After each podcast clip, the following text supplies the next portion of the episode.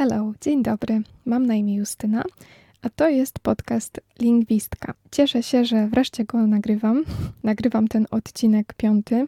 E, śmiesznie się złożyło, bo miałam go nagranego już e, przed moim pobytem w szpitalu, bo pomyślałam, że będzie fajnie, jak nagram z góry i po wyjściu ze szpitala będę sobie tylko montować i tak dalej. A jak wróciłam ze szpitala, okazało się, że coś się poprzestawiało w sterowniku do mikrofonu i nagrałam wszystko tylko na lewą stronę, więc musiałam te sterowniki odinstalować, zainstalować i E, dopiero dzisiaj, już właściwie pod koniec mojej rekowalescencji, nagrywam e, ten odcinek, ale i tak wyszło dosyć szybko i osiągnę swój cel pięciu odcinków w roku, a może sześciu, jak mi się uda jeszcze szósty nagrać przed świętami. Na dzisiejszy temat odcinka wpadłam przy okazji przeglądania artykułów tematycznych właśnie w poszukiwaniu czegoś ciekawego do tej serii, powiedzmy tej serii popularno-naukowej w moim podcaście i od razu przykuł moją uwagę. Język jest przez większość uczących się traktowany jako tylko i wyłącznie narzędzie komunikacji, co jest całkowicie zrozumiałe, ale jak zaczniemy grzebać i odkrywać, jak wiele znaczeń i jakie zmiany zachodzą w nas dzięki tej nauce, to co krok znajdziemy kolejny argument, by uczyć się dalej i więcej języków. Dzisiaj będę opowiadać o fenomenie fałszywych wspomnień i tym, że wielce prawdopodobnym jest, że mamy ich mniej w drugim języku. Zanim przejdę do tematu, chciałabym zachęcić do dołączenia do kalendarza adwentowego, w którym codziennie będą ukazywać się artykuły, oczywiście autentyczne anglojęzyczne artykuły z brytyjskich czy amerykańskich dzienników i tym podobnych, wraz z zadaniami do nich i innymi bonusami, takimi jak glosariusze, mapy myśli czy zadania interaktywne. Taki dostęp kosztuje symboliczne 14 zł, a jeśli zarezerwujecie dostęp jeszcze w listopadzie, to nie dość, że otrzymacie dodatkowe trzy artykuły, one nie będą czekać wiecznie, wygasają w grudniu, to z kodem kalendarz dostaniecie zniżkę i calutki dostęp za zaledwie dyszkę. Także serio warto dołączyć już teraz. Listopadowe bonusy już czekają. Link i instrukcja znajdują się w opisie, a ja zapraszam, bo warto, to jest, to jest prawie darmowa wiedza. Taka wiedza za kawę dla mnie. A teraz przejdźmy do tematu odcinka.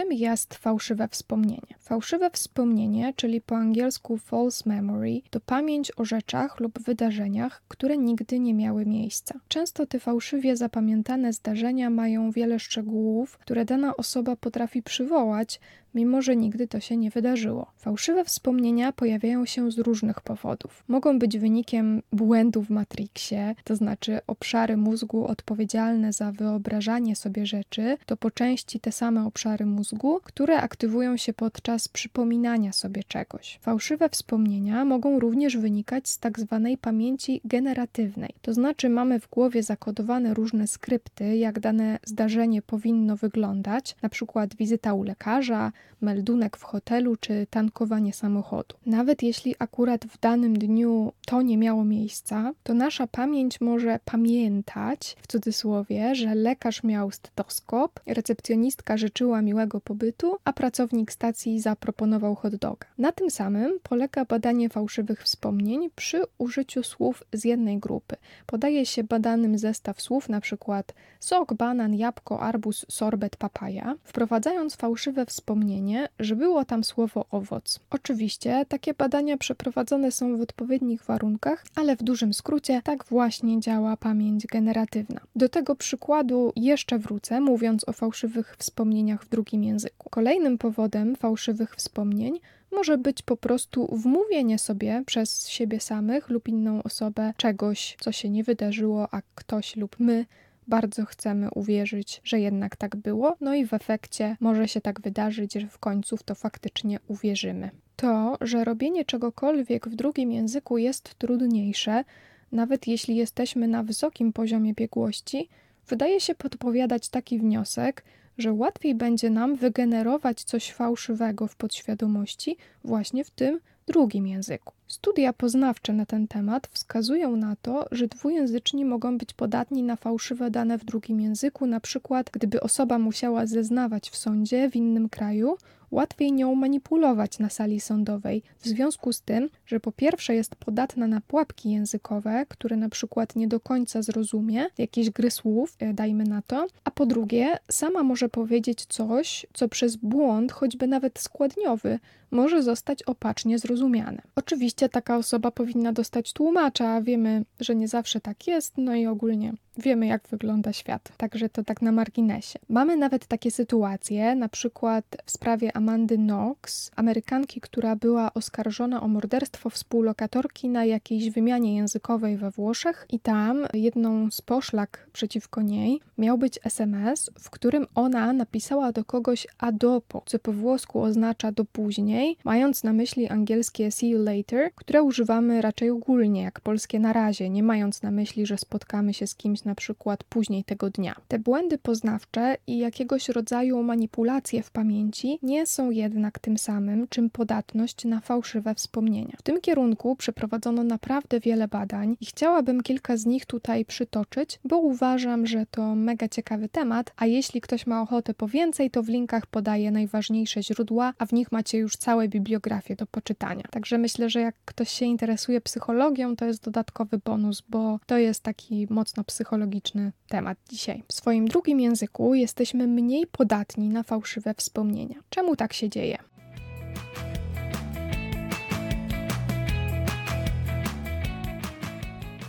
Jedna z hipotez mówi o tym, że nasza pamięć jest bardziej szczegółowo monitorowana przez mózg w drugim języku, ponieważ jesteśmy bardzo uwrażliwieni na to, by w tym języku nie zrobić błędu. Mówimy mniej automatycznie i mniej instynktownie niż w pierwszym, więc jesteśmy bardziej uważni. Możemy nawet nie zdawać sobie z tego sprawy, ale jak mówi profesor David Gallo z Uniwersytetu Chicago, w drugim języku jesteśmy bardziej ostrożni w ocenianiu i podejmowaniu decyzji. Tym samym nie będzie tak, jak mogłoby się wydawać, że nasze decyzje w drugim języku będą gorsze, a może wręcz przeciwnie, mogą być lepsze. Pierwsze ze wspomnianych badań angażowało 120 natywnych użytkowników języka mandaryńskiego, którzy znali również angielski. Dostali oni zestawy słów w obu językach, czyli to badanie, o którym wspomniałam wcześniej. Ten paradygmat nazywa się DRM, Dees Rediger McDermott, oczywiście od badaczy, którzy go opracowali. Badani dostali zestaw śnić, chrapać, łóżko, odpoczynek. Nie było tam słowa spanie, a jednak badani wpadali w tę pułapkę i podawali, że takie słowo tam było. Jednak podawali je znacznie częściej w mandaryńskim, a więc w swoim pierwszym języku, częściej niż w angielskim, w swoim drugim języku. Co ciekawe, paradygmat DRM był w przeszłości również stosowany do badania fałszywych wspomnień u pacjentów ze schizofrenią, Alzheimerem oraz w spektrum autyzmu. W innym badaniu przeprowadzono prowadzonym przez tych samych badaczy z Chicago uczestnikom puszczono fragment Różowej Pantery, tego filmu fabularnego, a nie tej kreskówki, jakby co.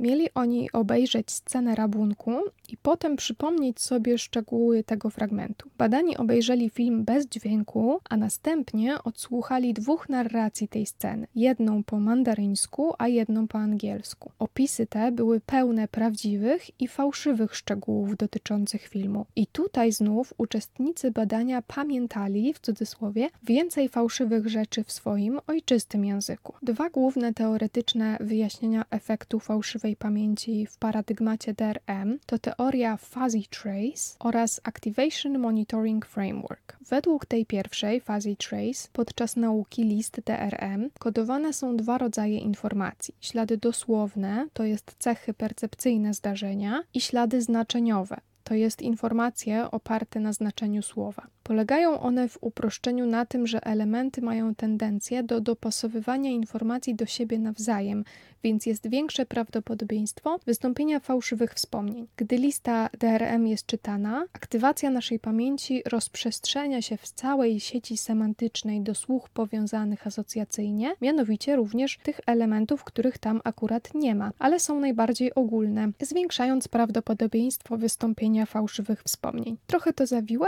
ale warte zagłębienia się. Jak mamy grupę słów związanych ze snem, to wiadomo, że to spanie będzie się wybijać na pierwszy plan, nawet jak nie ma tego słowa tam konkretnie. W jaki sposób dwa języki znajdujące się w jednym mózgu mogą inaczej zapamiętywać? Przede wszystkim związki pomiędzy znaczeniami a ich konceptami są mocniejsze w języku pierwszym niż drugim. Zajmuje się tym zagadnieniem model RHM Revised Hierarchical Model. Zakłada on istnienie dwóch różnych poziomów reprezentacji poziomu leksykalnego i poziomu koncepcyjnego, z niezależnymi reprezentacjami leksykalnymi dla każdego języka i wspólnym magazynem koncepcyjnym dla wszystkich języków, czyli z naukowego na nasze. Mamy wiele słów w różnych językach opisujących te same rzeczy. Po pierwsze, na poziomie leksykalnym, chociaż oba języki są przechowywane niezależnie, są one ze sobą połączone silniejszymi połączeniami z drugiego języka do pierwszego niż z pierwszego do drugiego. To znaczy, że drugi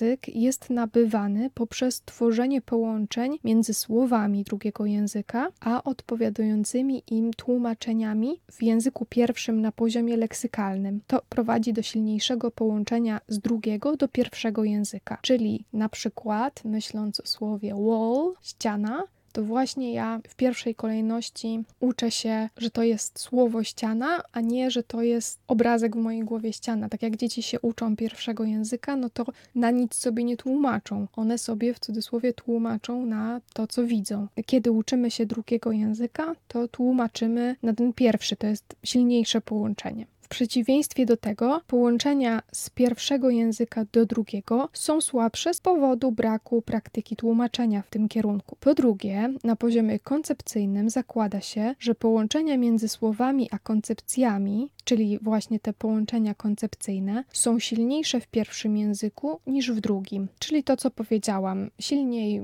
myśląc ściana, widzę ścianę niż inne słowo w innym języku. Ale jak już mówię wall, to zobaczę słowo ściana po polsku i może równolegle lub w drugiej kolejności dopiero obrazek ściana, tak? Oznacza to, że magazyn koncepcyjny jest aktywowany szybciej z reprezentacji leksykalnych języka pierwszego niż z reprezentacji leksykalnych języka języka drugiego. Niemniej jednak, gdy uczący się języka drugiego stają się bardziej biegli, połączenia koncepcyjne między słowami drugiego języka a koncepcjami stają się silniejsze. Czyli ja, jako biegły użytkownik angielskiego, no podając ten przykład ze ścianą, faktycznie mówiąc wall, już coraz szybciej będę widziała koncepcję ściany niż słowo ściana po polsku. Mam nadzieję, że wyjaśniłam to dosyć jasno, bo to w tym języku takim, nawet tym popularno-naukowym, może się wydawać zawiłe. Na te wszystkie fakty trzeba wziąć poprawkę, że język i dwujęzyczność to umiejętności bardzo ciężko definiowalne. Do dziś badacze nie wiedzą, co to w ogóle znaczy znać język. Zarówno te zależności języka pierwszego i drugiego, jak i poziom biegłości będą wpływały na fałszywe wspomnienia i ich ilość. Tym samym nie jest tak łatwo przeprowadzać badania odnośnie dwujęzyczności, bo ludzie są na różnych poziomach języka, nie tylko drugiego, ale często też swojego natywnego. Chociaż ten model RHM interpretuje, że pierwszy nabyty język jest językiem dominującym, należy zauważyć, że pamięć dwujęzyczna to dynamiczny system, który podlega podlega wpływowi używanych języków. To znaczy, jeśli znam język angielski, polski biegle, to czasem myślę, że nawet ci, którzy nie mają go na C1, tego drugiego języka, tylko na jakimś niższym poziomie, ale jakiegoś słowa używają częściej, dajmy na to po angielsku, to na pewno znacie taką sytuację, że zastanawiacie się, jak to słowo brzmi po polsku, przecież ono po angielsku jest na przykład common.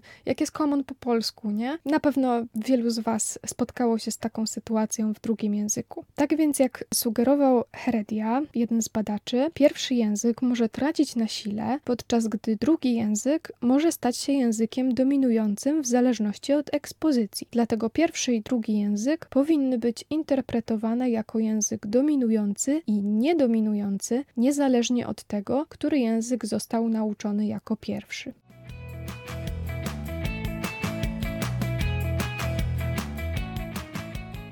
Kolejnym badaniem, które potwierdziło tezę o mniejszej podatności na fałszywe wspomnienia w drugim języku, było badanie Suarez i Beato. Było ono przeprowadzone również z udziałem dzieci i pojawił się wniosek, że nie tylko pierwszy język wypada gorzej w walce z tym zjawiskiem, ale i podatność na fałszywe wspomnienia rośnie wraz z wiekiem. Dla mnie osobiście to jest trochę zaskakujące, bo tak na chłopski rozum wydawałoby się, że dzieci bardziej sobie potrafią coś wyobrażać, wmówić i w to uwierzyć. Ale jak już niejednokrotnie nauka nam udowodniła, na chłopski rozum to nie jest zbyt naukowa metoda i droga do prawdy. W tym samym badaniu badaczki otrzymały podobne wyniki dla grupy, która była biegła w swoim drugim języku, albo posługiwała się nim na poziomie naukowym, albo żyła w kraju tego języka przez dłuższy czas, co tylko potwierdza, że im ostrożniej językiem się posługujemy, tym trudniej nam wpaść tę pułapkę. Warto nadmienić, że w kierunku fałszywych wspomnień przeprowadzono na przestrzeni lat nie tylko badania behawioralne,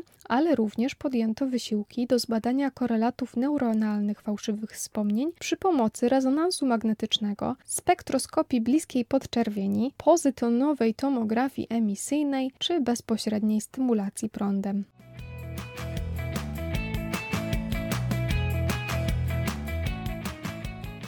To już wszystko na dzisiaj. Mam nadzieję, że temat zainteresował Was choć trochę. Dla mnie jest fascynujący. Jeśli chcecie poczytać więcej, to w linkach są źródła, a ja zapraszam Was już teraz na kolejny odcinek Lingwistki i oczywiście do dołączenia do kalendarza adwentowego. Stay awesome!